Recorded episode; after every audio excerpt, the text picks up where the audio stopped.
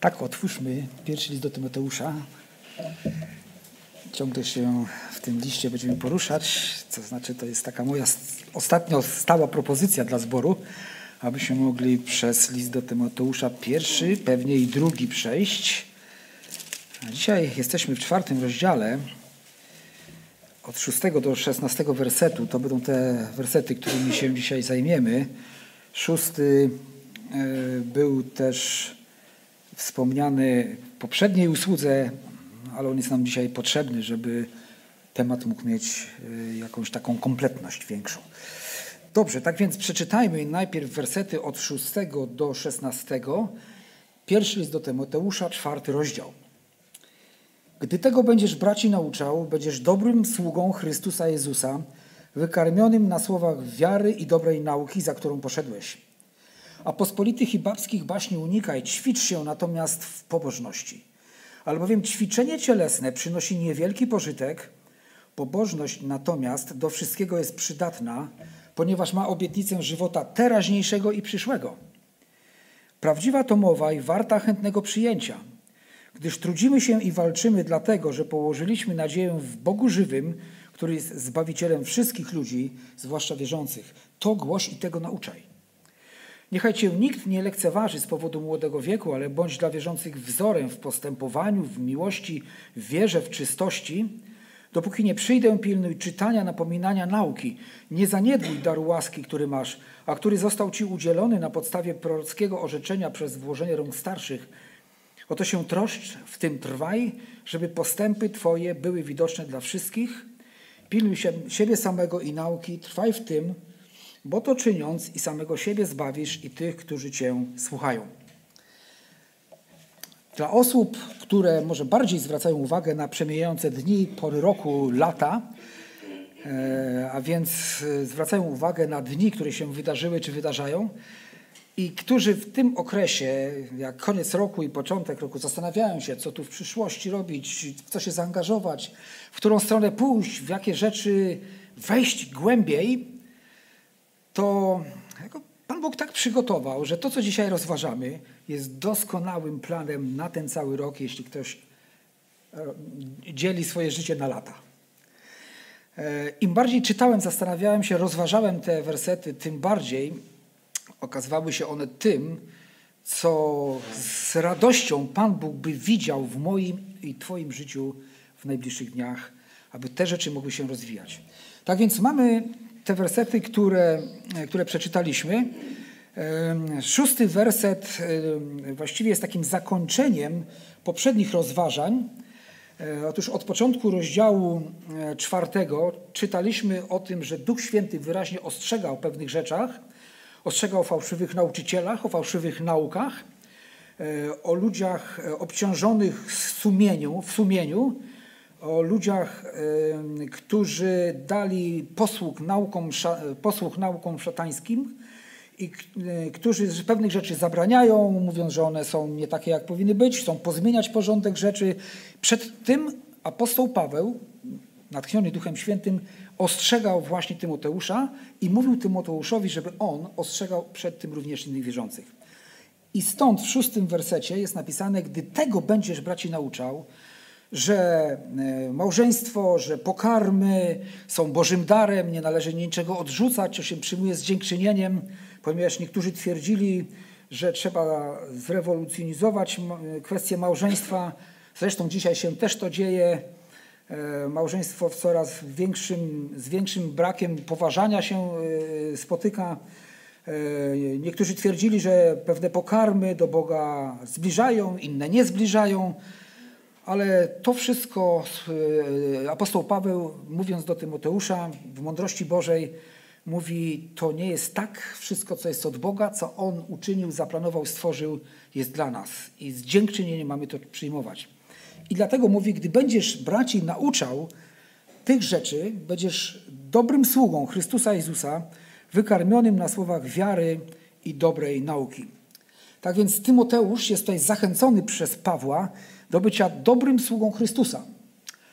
Czy i my nie potrzebujemy takiej zachęty? Czy nie potrzebujemy zachęcać się wzajemnie do tego, żeby być dobrymi sługami Chrystusa? Gdzie tu nie chodzi o to, żeby być dobrym sługą Kościoła. Czasami się mówi, to jest sługa Kościoła. Będąc dobrym sługą Chrystusa, zawsze stajemy się dobrymi sługami Kościoła, czyli dla braci i sióstr w Chrystusie, dla wierzących. Ale apostoł Paweł zachęca, by Tymoteusz pilnował pewnych rzeczy. I by mogło się to stać, konieczne było, żeby nauczał wierzących dobrej nauki, na której sam został wykarmiony. Prawdopodobnie e, tą dobrą naukę otrzymał od apostoła Pawła, właśnie Tymoteusz. E, I wykarmiony na dobrej nauce i na słowach wiary, za którymi Tymoteusz poszedł. A więc on zrobił już właściwą rzecz, bo poszedł za tym, co było właściwą i dobrą nauką od Boga. Sam uwierzył, rozpoznał, że nauka jest dobra i tej nauce się poddał. I to jest początek bycia sługą Bożym, że przyjmujemy naukę, e, uznajemy, że jest to od Boga i po prostu za tym idziemy, albo też w tym zaczynamy iść. Tak więc stał się wykonawcą, praktykantem dobrej nauki, tej Bożej nauki nauczonej, nauczanej przez apostoła Pawła. Ta dobra nauka to między innymi staje na stanowisku właśnie, że zarówno małżeństwo, jak i pokarmy są dziełem Boga dane człowiekowi, aby ich nie odrzucać, lecz przyjmować z dziękczynieniem i modlitwą. I dalej jest siódmy werset, który jest takim ostrzeżeniem, aby pewne rzeczy z kolei odrzucić w chrześcijańskim życiu i się nimi nie zajmować. Jest y, zachęta dla Tymoteusza, płynąca przez to również dla nas wszystkich, abyśmy trzymali się tej y, y, słów wiary i dobrej nauki, trwali w tej nauce i nauczali innych. A siódmy werset jest właśnie przeciwieństwem takim, obnażającym przeciwieństwo zdrowej nauki i słów wiary, tu jest to nazwane jako babskie baśnie, czyli pospolita, e, bezwartościowa mowa, legendy, baśnie, rodowody, rozpowszechnianie, nie, e, rozpowszechnianie nieprawdziwe jakieś historie, czy też wymyślone historie, które są wytworem ludzkiej wyobraźni. Nie jest to jedyne miejsce w listach apostoła Pawła, w którym on ostrzega przed tymi rzeczami. Na przykład 1 e, Tymoteusza, 6 rozdział, 20 werset, tutaj czytamy. Tymoteuszu, Strzeż tego, co ci powierzono, unikaj pospolitej, pustej mowy i sprzecznych twierdzeń, błędnej, rzekomej nauki, do której nie jeden przystał i od wiary odpadł. A w drugim do Tymoteusza, drugi rozdział, szesnasty werset. A pospolitej, pustej mowy unikaj, bo ci, którzy się nią posługują, będą się pogrążali w coraz większą bezbożność. I dwudziesty trzeci. A głupich i niedorzecznych rozpraw unikaj, wiedząc, że wywołują spory. Myślę, że to są właściwe rady nie tylko dla Tymoteusza w tamtych czasach. Czyż dzisiaj nie mamy wiele różnych historyjek, opowiadań, tak zwanych objawień, różnych pośredników między e, człowiekiem a Bogiem, różnych historii, żywotów e, tak zwanych świętych.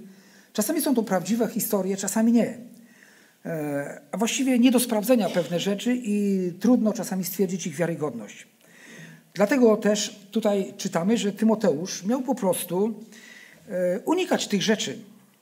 Są pewne rzeczy, których mamy unikać. W liście do Koryntian czytaliśmy na naszych rozważaniach środowych, że mamy unikać wszeteczeństwa, uciekać od wszeteczeństwa. Tutaj czytamy, że mamy unikać e, tego, co tu jest określone jako e, pospolite i babskie baśnie, ale w to miejsce należy pewne inne rzeczy przyjąć, które przynoszą błogosławieństwo. Tak więc miał się nie zajmować tymi rzeczami, nie, dawać, nie wdawać się w bezsensowne dyskusje, bezowocne, nie walczyć z nimi i nie poświęcać im czasu. Tak właściwie to powinien nimi gardzić i traktować je lekceważąco. Wiecie, powinniśmy mieć więcej odwagi, żeby po prostu lekceważyć to, co nie jest mądre i co nie pochodzi od Boga. Czasami chcemy być takimi uprzejmymi chrześcijanami, i e, boimy się czasami powiedzieć wprost: Słuchaj, to co mówisz jest całkowicie nieprawdziwe w świetle Bożego Słowa. A więc zamiast tracić czas na mity i baśnie, tutaj czytamy w siódmym wersecie, należy ćwiczyć się w pobożności. Tak jak Tymoteusz, tak i my mamy być pełni Bożego Słowa, uczyć się Bożego Słowa i iść za nauką Bożego Słowa, bo to jest dobra nauka, czyli ćwiczyć się tak naprawdę w pobożności. Pokarm przygotował Pan Bóg, pokarm Bożego Słowa, Jego naukę, ale ćwiczenie się w pobożności należy do nas. I to jest nasza powinność. I to jest ta część, którą ma czynić człowiek postawiony na fundamencie Jezusa Chrystusa. Nie ma innego fundamentu jak Jezus Chrystus. To jest, y, Pan Bóg nas usprawiedliwił, oczyścił nas z naszych grzechów, posadził w okręgach niebieskich, a więc przeniósł nas do, ze śmierci do życia, z ciemności do cudownej światłości, ale On to zrobił, abyśmy my teraz, będąc w Chrystusie, będąc w społeczności z Bogiem, podjęli trud ćwiczenia się w pobożności. Zobaczcie, to, to nie jest powiedziane, Tymoteuszu, stój grzecznie, ja cię wyćwiczę. Oczywiście Pan Bóg może wyćwiczyć, ale to może być też bolesne, ale On mówi do Tymoteusza, ty się ćwicz w pobożności. Zacznij zajmować się rzeczami, które dadzą ci coś pożytecznego w świetle Bożego Słowa, pożytecznego w Bożych oczach. A więc nie ma postępów bez ćwiczenia i każdy wie, to wie każdy sportowiec, to wie właściwie każdy człowiek wykonujący jakiekolwiek rzemiosło i właściwie w każdej dziedzinie, jeśli nie ćwiczymy, nie ma postępów. E, ostatnio na pocztę przyjmowane są osoby takie nowe, świeże, nieznające tej pracy. One sobie myślą, że to jest takie proste. Wziąć liściki, przejść się po rejonie i je rozdać. Oczywiście z tego punktu widzenia jest to banał, Natomiast kiedy przyglądają się, jak to w rzeczywistości wygląda, to mówią: Ojej, ja nie zdążam, ja nie daję rady. Ale wiecie, kiedy oni się ćwiczą miesiąc, dwa, trzy, patrzysz, potem sam idzie w rejon. I roznosi te listy. A więc nie ma bez ćwiczenia postępu w żadnej dziedzinie, również w kwestii pobożności. Pan Bóg dał nam Pismo Święte, Pan Bóg nas wyzwolił, usprawiedliwił, ułaskawił, w Chrystusie obdarował wszelkim duchowym błogosławieństwem niebios, ale ćwiczenie w pobożności to jest nasza odpowiedzialność, to jest moja odpowiedzialność, pod którą czasami się uginam, bo wiem, że czasami zawodzę. Więc ćwiczenie w, jeśli nie ma ćwiczenia w pobożności, to jest dryfowanie. A jak jest dryfowanie, to co zazwyczaj na co trafia statek dryfujący? skały, mielizna i jedzie gdzie chce. Bez ćwiczenia w pobożności nie będziemy stawać się coraz bardziej użyteczni dla Boga. Tak więc i tutaj też w tym siódmym wersecie, yy, w ósmym już, yy, jest wspomniane też, że jest, są dwa rodzaje ćwiczenia. Prawdopodobnie apostoł Paweł, yy, znaczy z, z, dużą dozą prawdopodobieństwa, żeby powiedzieć, że on przyglądał się różnym zawodom, bo w liście do Koryntian też mówi o biegaczach, mówi o pięściarzach walczących. Mówi, że y, y, biegacz biegnie do celu, pięściarz nie uderza w próżnię, tylko w określone miejsca chce trafić. Tak więc y, tutaj ósmy werset mówi o tym, że jest ćwiczenie cielesne, które występuje też na co dzień i ono może stać się też sensem i celem życia i właściwie wszystko w życiu może zacząć się obracać wobec ćwiczenia cielesnego. E, tyle, co potrzeba, co wymaga praca, czy jakieś inne zajęcia, a czasami ponad miarę, ale jest inne ćwiczenie, ćwiczenie w pobożności. I tu jest wspomniane, i, i tu Słowo Boże nas naucza, że ćwiczenie cielesne ma pewien ograniczony pożytek, ponieważ ono jest przemijające, ono ma wartość przemijającą. E, natomiast pobożność ma taki pożytek, że e, ma ono E, przynosi korzyść w życiu doczesnym, ale też ono ma wartość na całą wieczność. Ćwiczenie cielesne przynosi pożytek czasowy, jest przydatne, nawet konieczne dla właściwego funkcjonowania ciała i w tym wymiarze ma swoje uzasadnienie i swoją wartość. Lecz y, nadzieja z nim związana gaśnie wraz z wiekiem.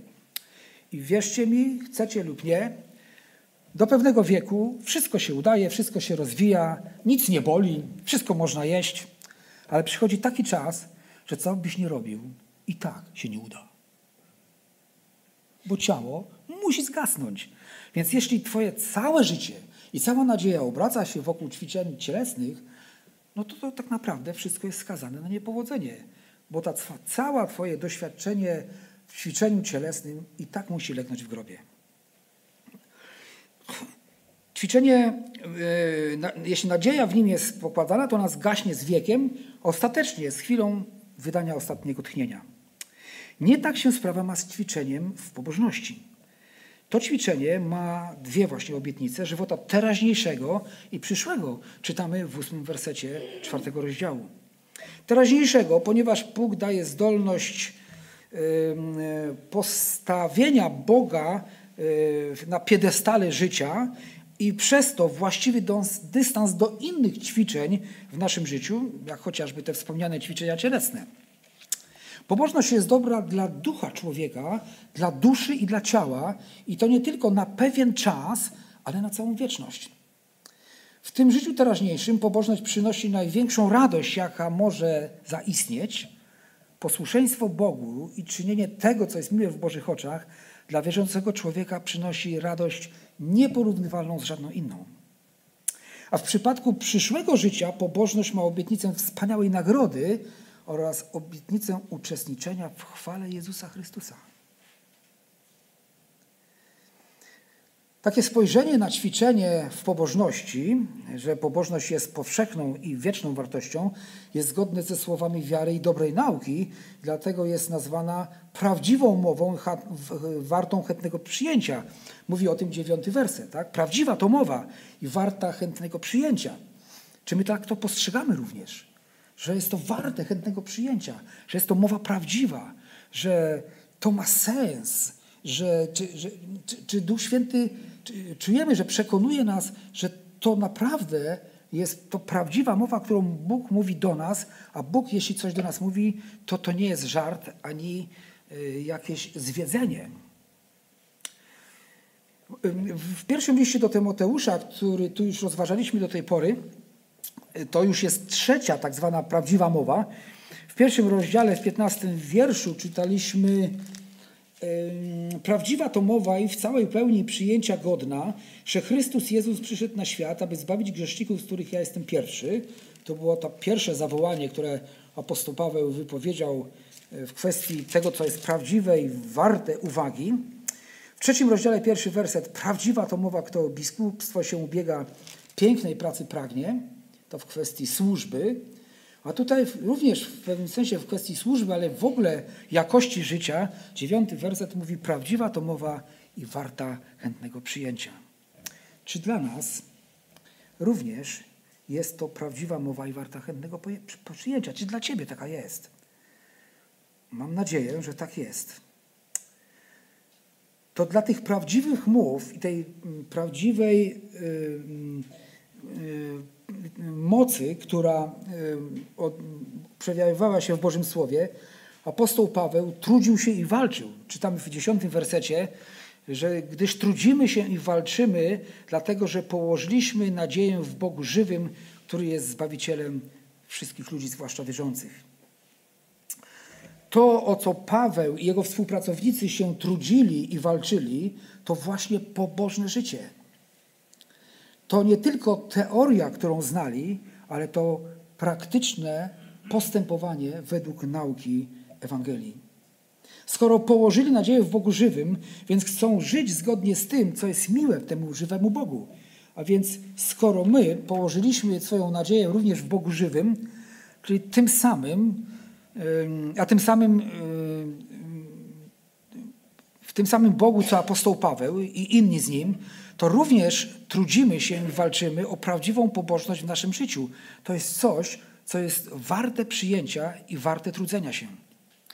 Chrześcijanie widzą dalej ponad przemijającymi rzeczami tego świata, pokładają nadzieję w Bogu żywym. Ta nadzieja nigdy nie zawiedzie, ponieważ On jest Bogiem żywym, który jest Zbawicielem wszystkich ludzi, zwłaszcza wierzących. E, ten żywy Bóg jest zbawicielem wszystkich ludzi, co rozumiemy w ten sposób, że On zachowuje ich na codziennych ścieżkach życia. A więc w tym sensie możemy popatrzeć na to słowo, e, że jest zbawicielem wszystkich żyjących. To jest jedna z rzeczy, którą, o której można by było powiedzieć w tym momencie. E, a więc On błogosławi, On daje pokarm dla dobrych i dla złych, deszcz pada na pola sprawiedliwych i niesprawiedliwych, ludzi, którzy czynią zło, obdarowuje też darami, talentami i umiejętnościami. Oni zdadzą sprawę za to, jak używali tych wszystkich rzeczy, które Pan Bóg im dał, ale Bóg ich zachowuje w codziennym życiu, dając tchnienie, dając bicie serca. To wszystko Bóg daje i pozwala, że żyjemy. Gdyby On powiedział dość, to byłoby po Tobie. Znaczy, nie po Tobie, po prostu z ciałem, tak? Prze bylibyśmy w innym miejscu. Ale On w tym sensie zachowuje, w tym sensie jest Zbawicielem, ale także jest Zbawicielem wszystkim, wszystkich ludzi, że w odpowiedni sposób zapewnił zbawienie dla wszystkich. Gdybyśmy, gdyby dziś nawrócili się do Niego wszyscy ludzie na świecie, wyznając swoje grzechy i prosząc o wybaczenie, Jego łaski i miłosierdzia wystarczyłoby dla nich wszystkich. Ponieważ krew Jezusa Chrystusa i to dzieło, które dokonało się na krzyżu Golgoty, jest wystarczające, żeby zgładzić wszystkie grzechy wszystkich ludzi na całym świecie. I w tym sensie jest On Zbawicielem również dla wszystkich ludzi. W szczególny sposób jest On Zbawicielem e, wszystkich wierzących, ponieważ oni już skorzystali z tego, co On zapewnił. Tak więc można powiedzieć, że On jest potencjalnym Zbawicielem dla wszystkich ludzi w, kwestie, w kwestii zbawienia duszy, czyli mm, mm, przejścia ze śmierci do życia, czyli stanie się częścią ciała Chrystusowego, ale faktycznym Zbawicielem tych, którzy już uwierzyli. Jest to, rodzi to bardzo ważne pytanie. W którym miejscu jesteś dzisiaj Ty?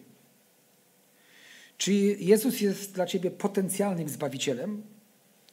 Czy on jest Twoim zbawicielem przez wiarę w Niego, przez to, że przyszedłeś, przyszłaś do Niego, wyznałaś swoje grzechy i On je odpuścił? Czy ciągle Pan Jezus jest kimś, ale nie jest Twój, a Ty nie jesteś Jego? Kim dla Ciebie jest Jezus Chrystus? Kiedyś takie jeszcze w PRL-u takie napisy można było przyklejać na samochód i to było taki wyraz pewnej odwagi też, żeby powiedzieć taki napis i jeździć po mieście, kim dla Ciebie jest Jezus Chrystus. Ale to było też ważne, to było dobre w tamtym czasie. A myślę, że i dzisiaj byłoby dobre. Jedenasty werset to kolejne apostolskie polecenie dla Tymoteusza, aby tych prawd, które przypomniane tutaj zostały, aby ich Tymoteusz nauczał e, i głosił.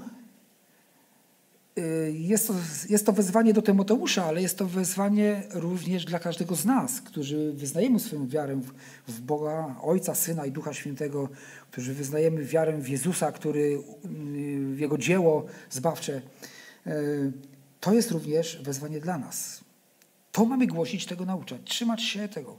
Baśnie odrzućmy, nie zajmujmy się tymi rzeczami. To są rzeczy, w, to, w których nie warto wchodzić w takie spory nieraz. Czasami e, w takich świadectwach nieraz słyszymy, e, czasami wierzący ludzie mówią, no próbowałem z kimś rozmawiać o Bogu, ale on sprzeczał się, miał swoją, swój pogląd, swoją filozofię. Mówi, to ja mu po prostu powiedziałem, co Pan Jezus zrobił w moim życiu. To jest czasami to, co wystarczy, co można w, tym, w danym momencie powiedzieć. Mamy głosić i nauczać tych nakazów nieustannie, przypominając o nich Bożemu ludowi, czyli tak naprawdę sobie nawzajem. Słowo Boże mówi, że możemy wszyscy nawzajem się napominać, czyli zachęcać, przypominać, jaka jest prawda.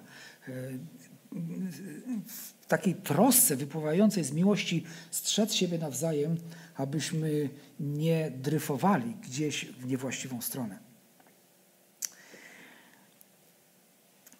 Przed nami są wersety 12 do 16, które zestaw, w tych wersetach jest, na początku tych, tych kilku wersetów, w 12 jest e, postawiona takie, takie porównanie, może raczej zestawione są ze sobą młody wiek chrześcijanina z byciem wzorem dla wierzących.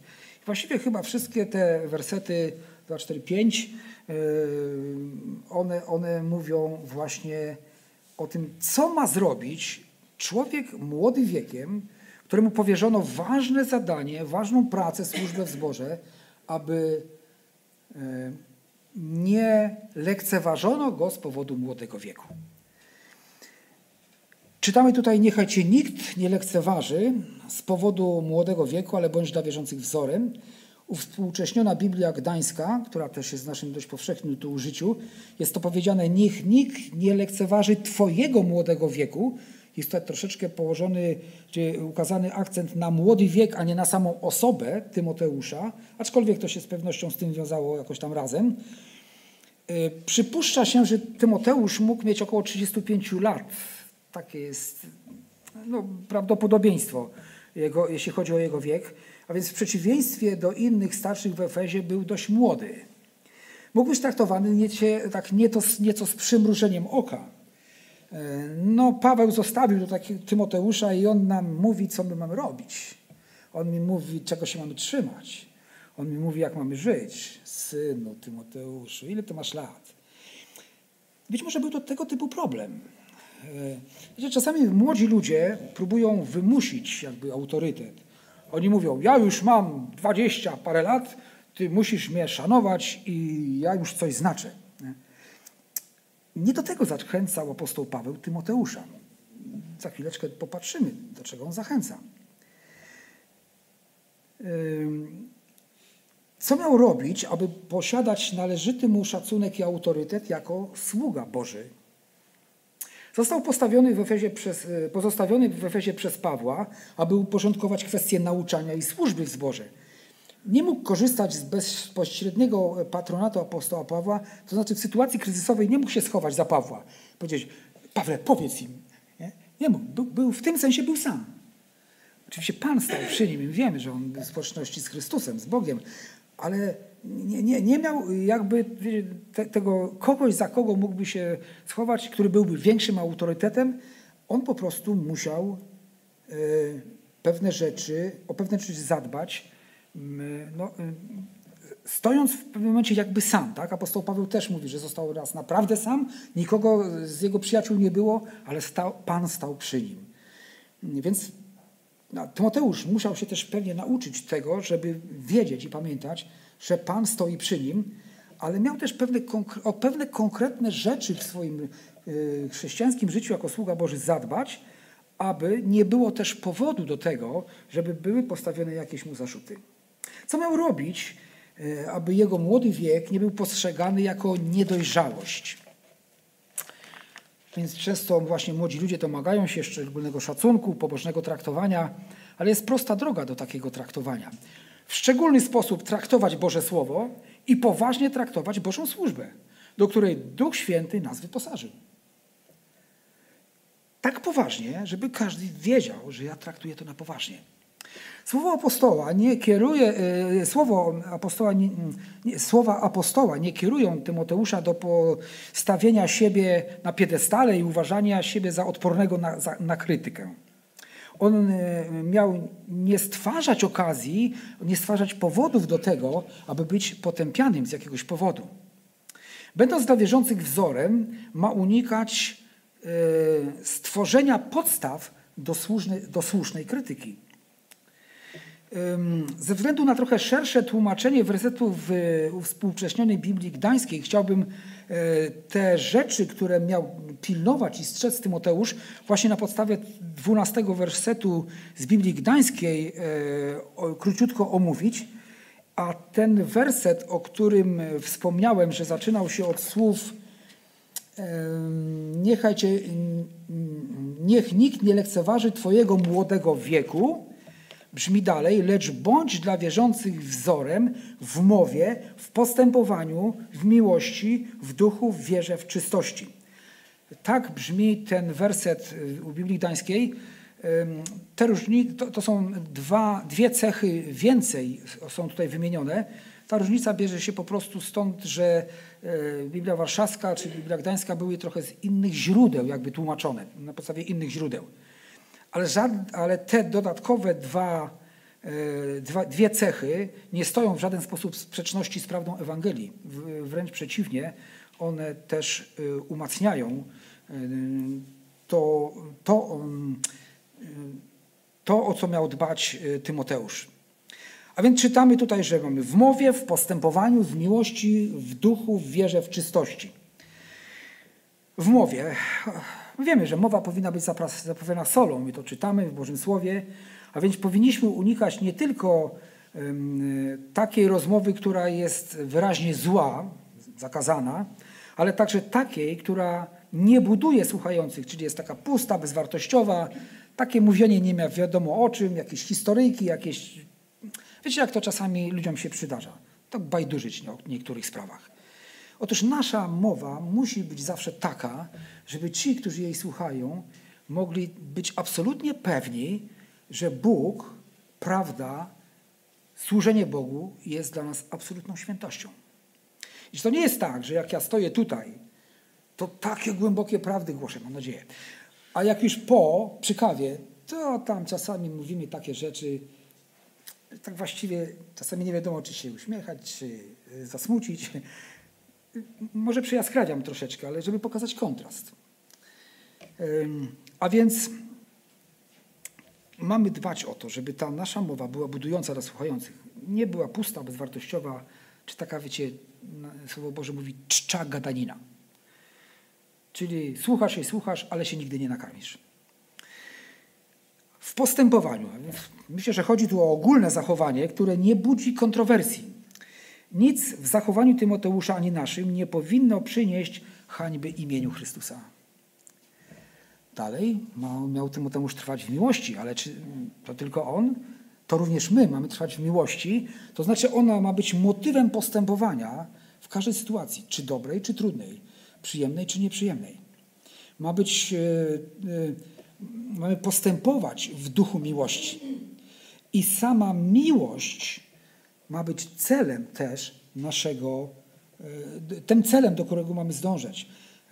Tak jak Pan Bóg w miłości uczynił to, że jesteśmy zbawieni. Umiłował nas przed założeniem świata. Umiłował swoich aż do końca. E, Pan Jezus tak umiłował, Bóg tak umiłował świat, że Syna swego jednorodzonego dał, aby każdy, kto w Niego wierzy, nie zginął, ale miał życie wieczne. Kiedy Pan Jezus przyszedł, e,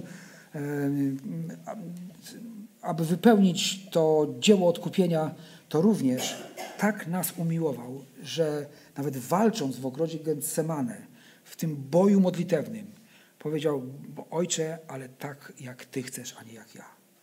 Wykonał. I w wielkiej miłości do Judasza powiedział, przyjacielu, pocałunkiem zdradza syna człowieczego. Ale też mamy strzec być dla wierzących wzorem również w duchu. To może to, to określenie w duchu pokazuje na, na pewną głębię relacji z Bogiem.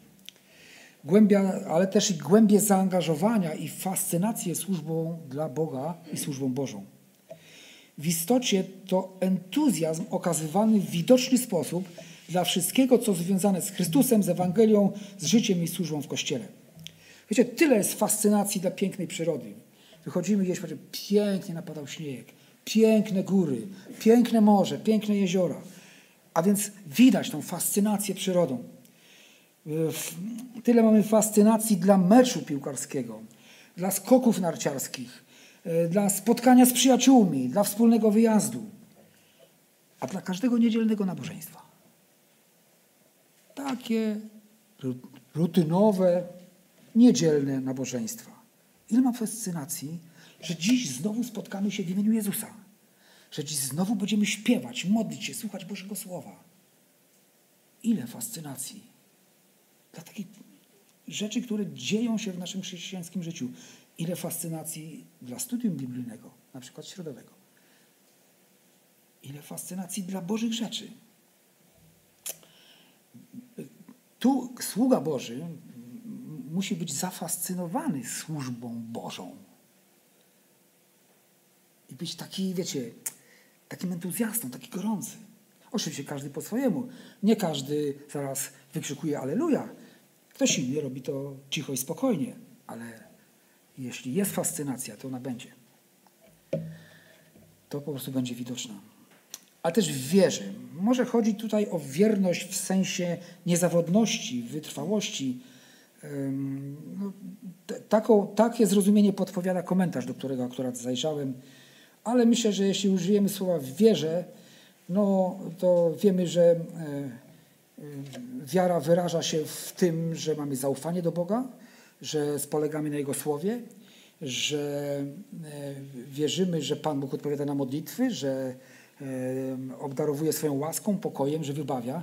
Jeśli te rzeczy będą się pojawiały w naszym życiu, będziemy je wyznawać w różnych sytuacjach, to z pewnością też będzie to wzór i zachęta dla innych. Ale też miał być wzorem w czystości, czyli w uczynkach, w myślach, czystość, w motywacjach do wszelkiego działania.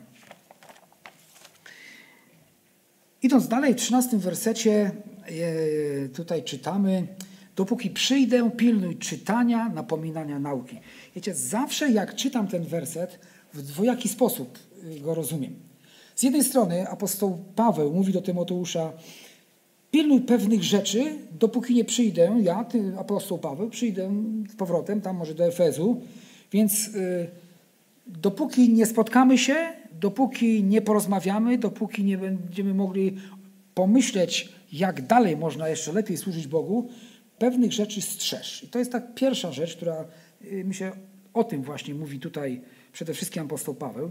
Ale ja zawsze sobie myślę, dopóki nie przyjdę, pilnuj napominania, y, czytania napominania, nauki, że tu chodzi o przyjście Pana Jezusa.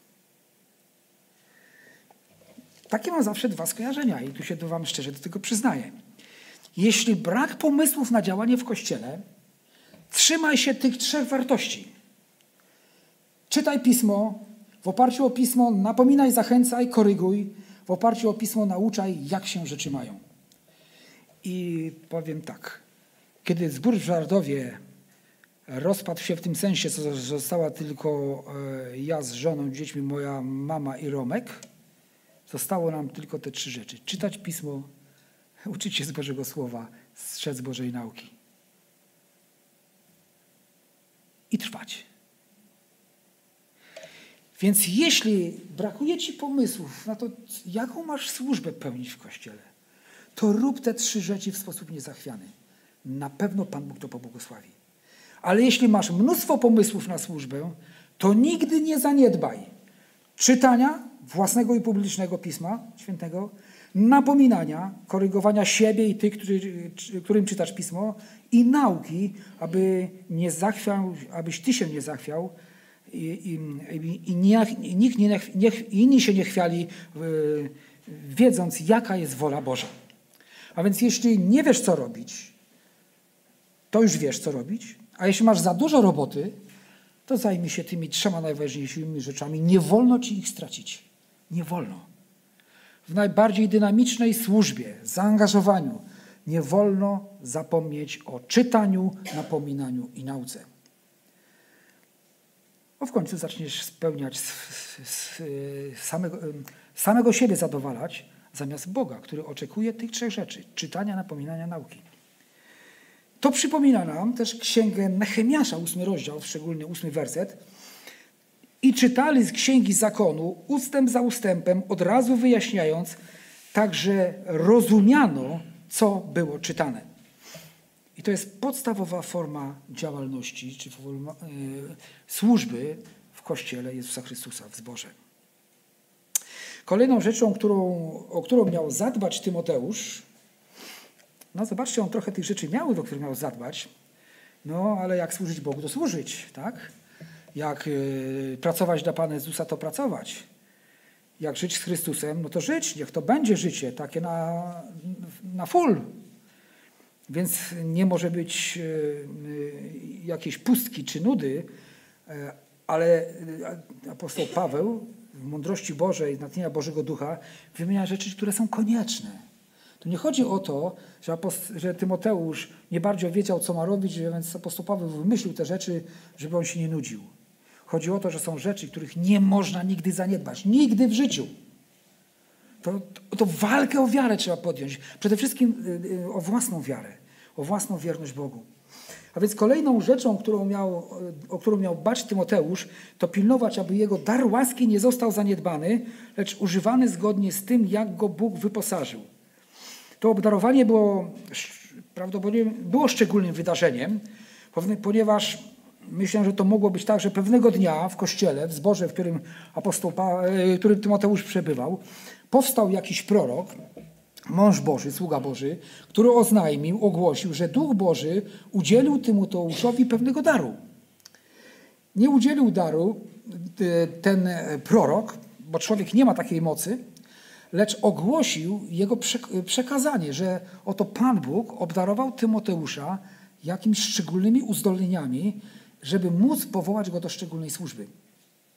I przez włożenie rąk starsi wyrazili publiczne rozpoznanie tego, co Duch Święty już uczynił. Pomimo tak wyraźnego aktu Bożego obdarowania, Tymoteusz potrzebował jednak zachęty i upomnienia, aby nie zaniedbać tego, czym go Duch Święty obdarował.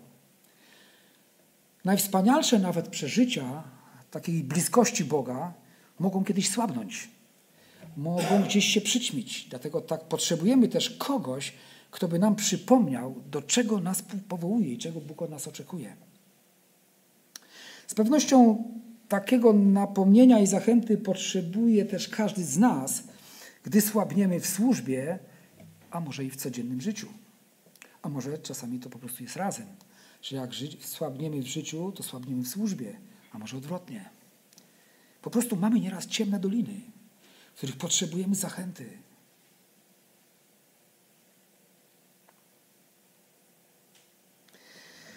Rozpoznanie naszego daru nie musi być tak spektakularne jak u Tymoteusza. Nie zawsze się tak dzieje. Ale każdy nowonarodzony chrześcijanin jest przez Pana obdarowany, aby służyć Jezusowi i wierzącym w Kościele. Ten sposób rozpoznawania darów do służby mm, mm, funkcjonuje również w wielu zborach i dzisiaj. Kiedy starsi w zborze w starszym zborze staje się oczywiste, że dana osoba e, otrzymała od Ducha Świętego jakiś dar, jakieś polecenie do pracy, jakieś, jakieś wyposażenie, to ta osoba e, e, jest, to jest polecana również przez starszych do, do tej pracy pańskiej i ci starsi wykazują zaufanie do niej, oraz uznanie też dla pracy Ducha Świętego w życiu tej osoby.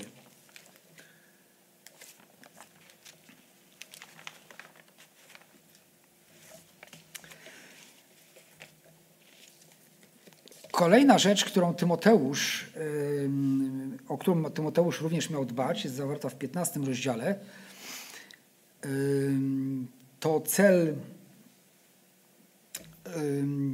wyznaczony Tymoteuszowi, e, a tym samym też przecież wszystkim, którzy należą do Jezusa i są Jego uczniami, aby postępy były widoczne. Wszystko, czego uczymy się z Bożego Słowa i czym obdarował nas Bóg, ma swój cel duchowy wzrost we wszystkich aspektach chrześcijańskiego życia. Nie wystarczy jednak dobrze wiedzieć, dobrze wierzyć i znać rzeczy, które są dobre bez troski, bez rozmyślania nad nimi, bez trwania, życie nie będzie się zmieniać. Nie będzie widocznych postępów. To werset, który budzi też we mnie takie wiecie, mieszane uczucia co do postępów. Jakbym wam zadał pytanie, czy widzicie u mnie postępy? Ja tylko hipotetycznie, jeszcze go nie zadałem tego pytania. Ale jak zadasz sobie takie pytanie, nagle się zastanawiasz, właściwie jak to jest z moim życiem?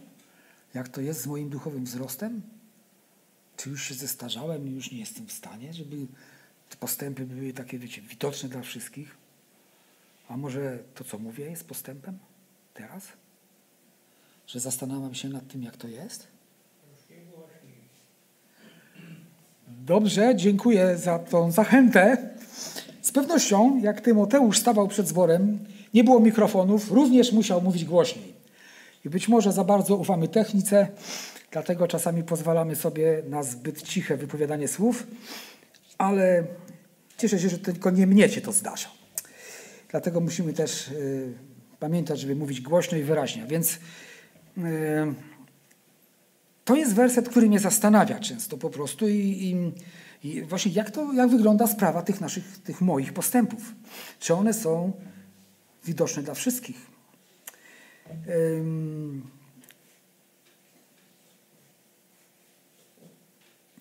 czy są widoczne Twoje postępy? To jest coś, co warto pytanie takie sobie zadawać. O co się troszczymy? W czym trwamy? Tymoteusz miał troszczyć się o to i dbać, aby jego postępy były widoczne dla wszystkich. Widzicie, tu też nie jest powiedziane, Tymoteuszu, stój i czekaj. Pan Bóg za ciebie zrobi.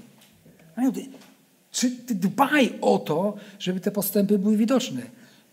Wiemy, jak postępy zrobić w innych rzeczach.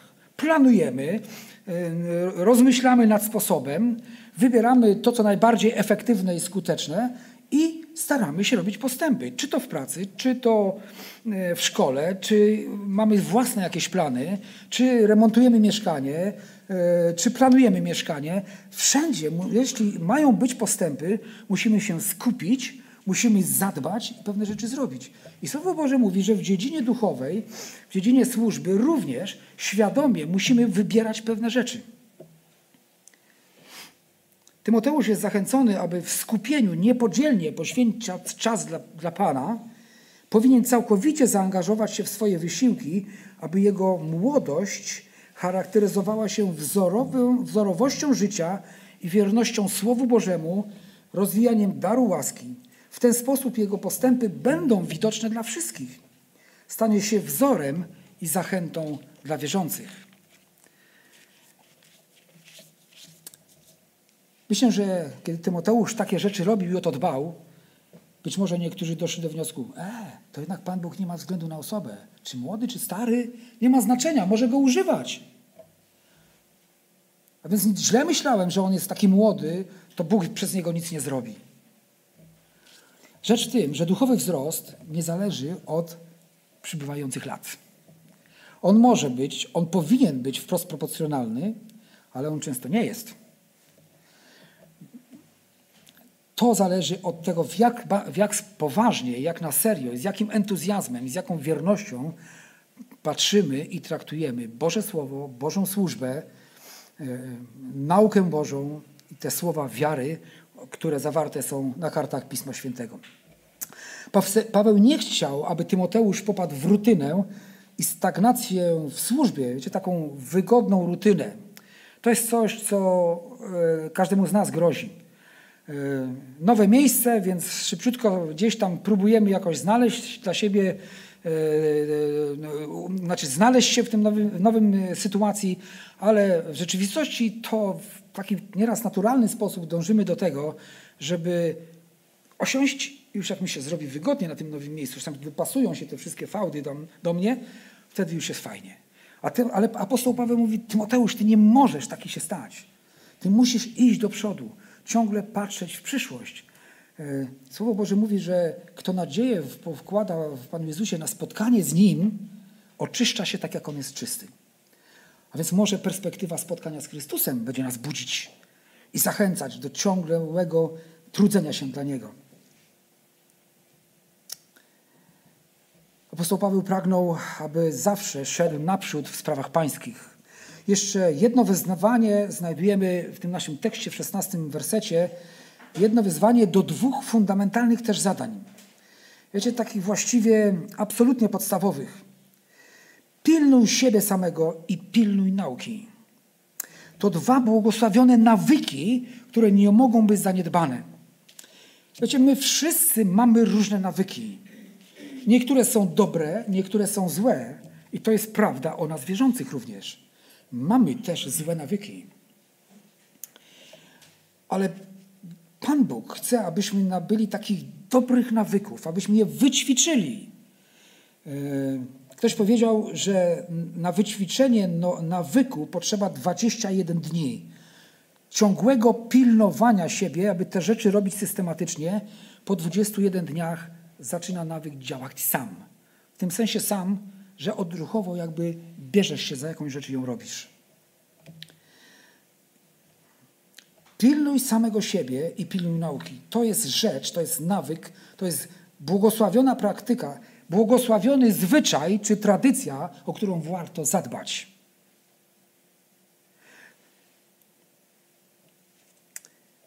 Te dwa błogosławione nawyki, które nie mogą być zaniedbane. Kolejność zapisów w tekście z pewnością też nie jest przypadkowa. Żaden kolejność zapisów w tekście Bożego Słowa nie jest przypadkowa. Żaden werset, który wydaje nam się jakby wyrwany z kontekstu, nie jest pomyłką Bożą. To czasami my mamy problem, aby zrozumieć, dlaczego ten werset, który wydaje się zawierać zupełnie inną myśl, nagle jest w tym tekście. Potrzebujemy po prostu Bożego objawienia, Bożego światła. Najpierw należy pilnować siebie, a potem nauki. To ważne, aby każdy sługa Chrystusa był z Nim w społeczności. Jeśli jego życie jest niewłaściwe, to nie przynosi żadnego pożytku, nawet jeśli by doktryna była jak najbardziej ortodoksyjna. Ktoś e, z wierzących, pewien e, e, kaznodzieja czy, czy biblista, coś takiego powiedział.